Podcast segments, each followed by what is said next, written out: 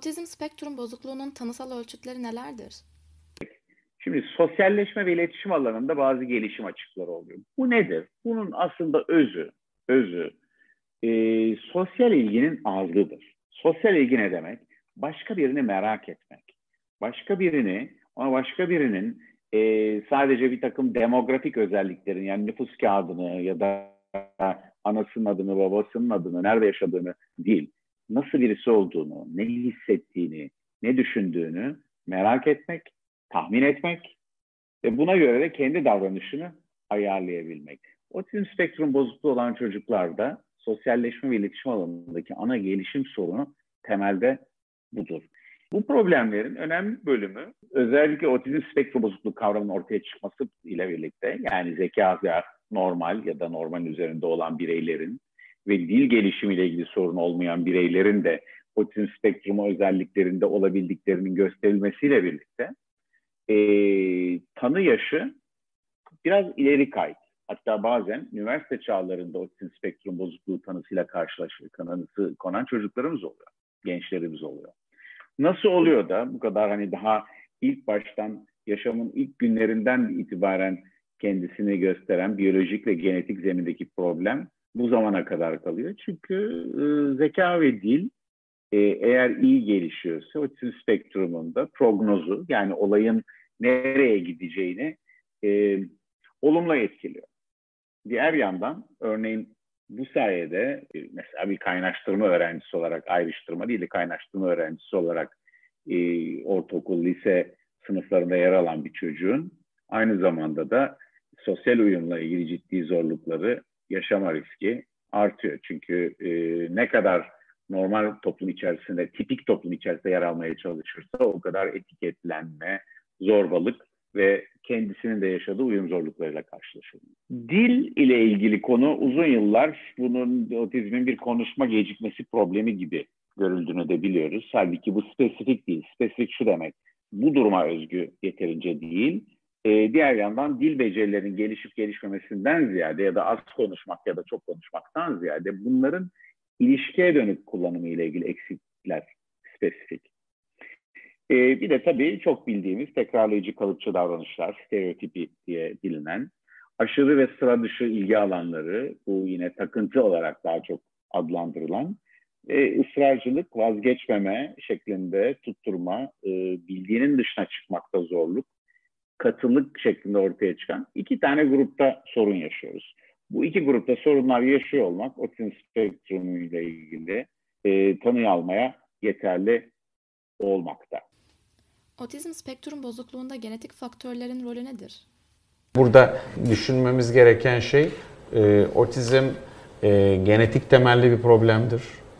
Ancak birebir aynısını bir önceki kuşaklarda ya da başka üyelerde görmüyoruz. Birebir aynısı yok. Çünkü tek gene bağlı bir hastalık değil.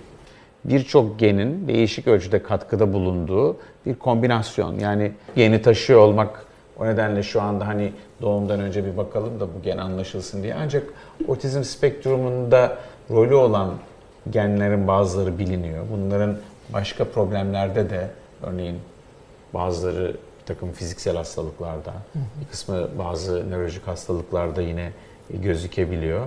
En azından e, beraberinde olan bu genlerin varlığını yokluğunu biliyoruz ama bunların varlığı bu çocukta otizm gelişecektir dedirten e, genler henüz e, repertuarımızda yok.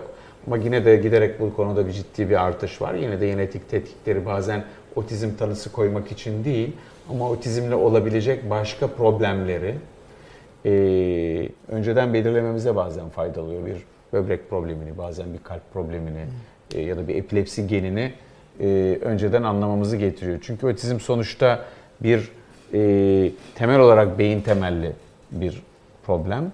Sosyal, duygusal ve davranışsal alandaki gelişimi etkilediği için psikiyatrların daha iyi değerlendirebildiği bir alan. Otizm tanısı almış çocuklara sahip aileler bu durumdan nasıl etkileniyor? Otizmle ailelerin en çok belirttikleri çocuğumuzla e, karşılıklı göz göze e, ilişki içinde olmamızı, iletişim içinde bir alışveriş içinde olmamızı zorluyor olduğu için otizm bizi mutsuz ediyor. Birçok anne baba e, bu tanı konduktan sonra post travmatik stres bozukluğu belirtileri gösteriyor. Hmm.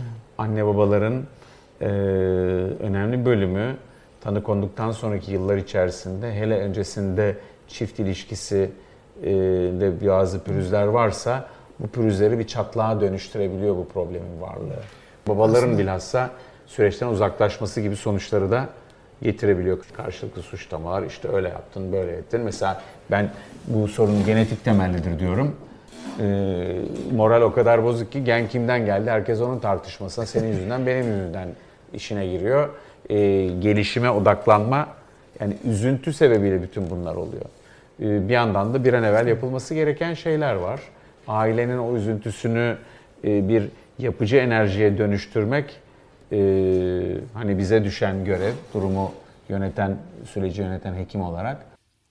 Kişi kendi kültüründen bir müzik dinlediğinde bir ritimden sonra gelecek ritmi az çok tahmin edip şarkıya eşlik edebiliyorken otizmli çocuk günlük akışı içerisinde bunu neden yakalayamıyor ve buna etki eden süreçler nelerdir? Çok güzel bir soru. Bu beyindeki aslında zamanı algılamamızı sağlayan mekanizmalarla ilgili problem olduğu düşünülüyor. Yürütücü işlevler, dizileme, ardıl hareketler ve bütün e, bir yani ritmi kapma, neyin neyden sonra geleceğini anlama, e, bunu bilebilme çok kritik bir fonksiyon.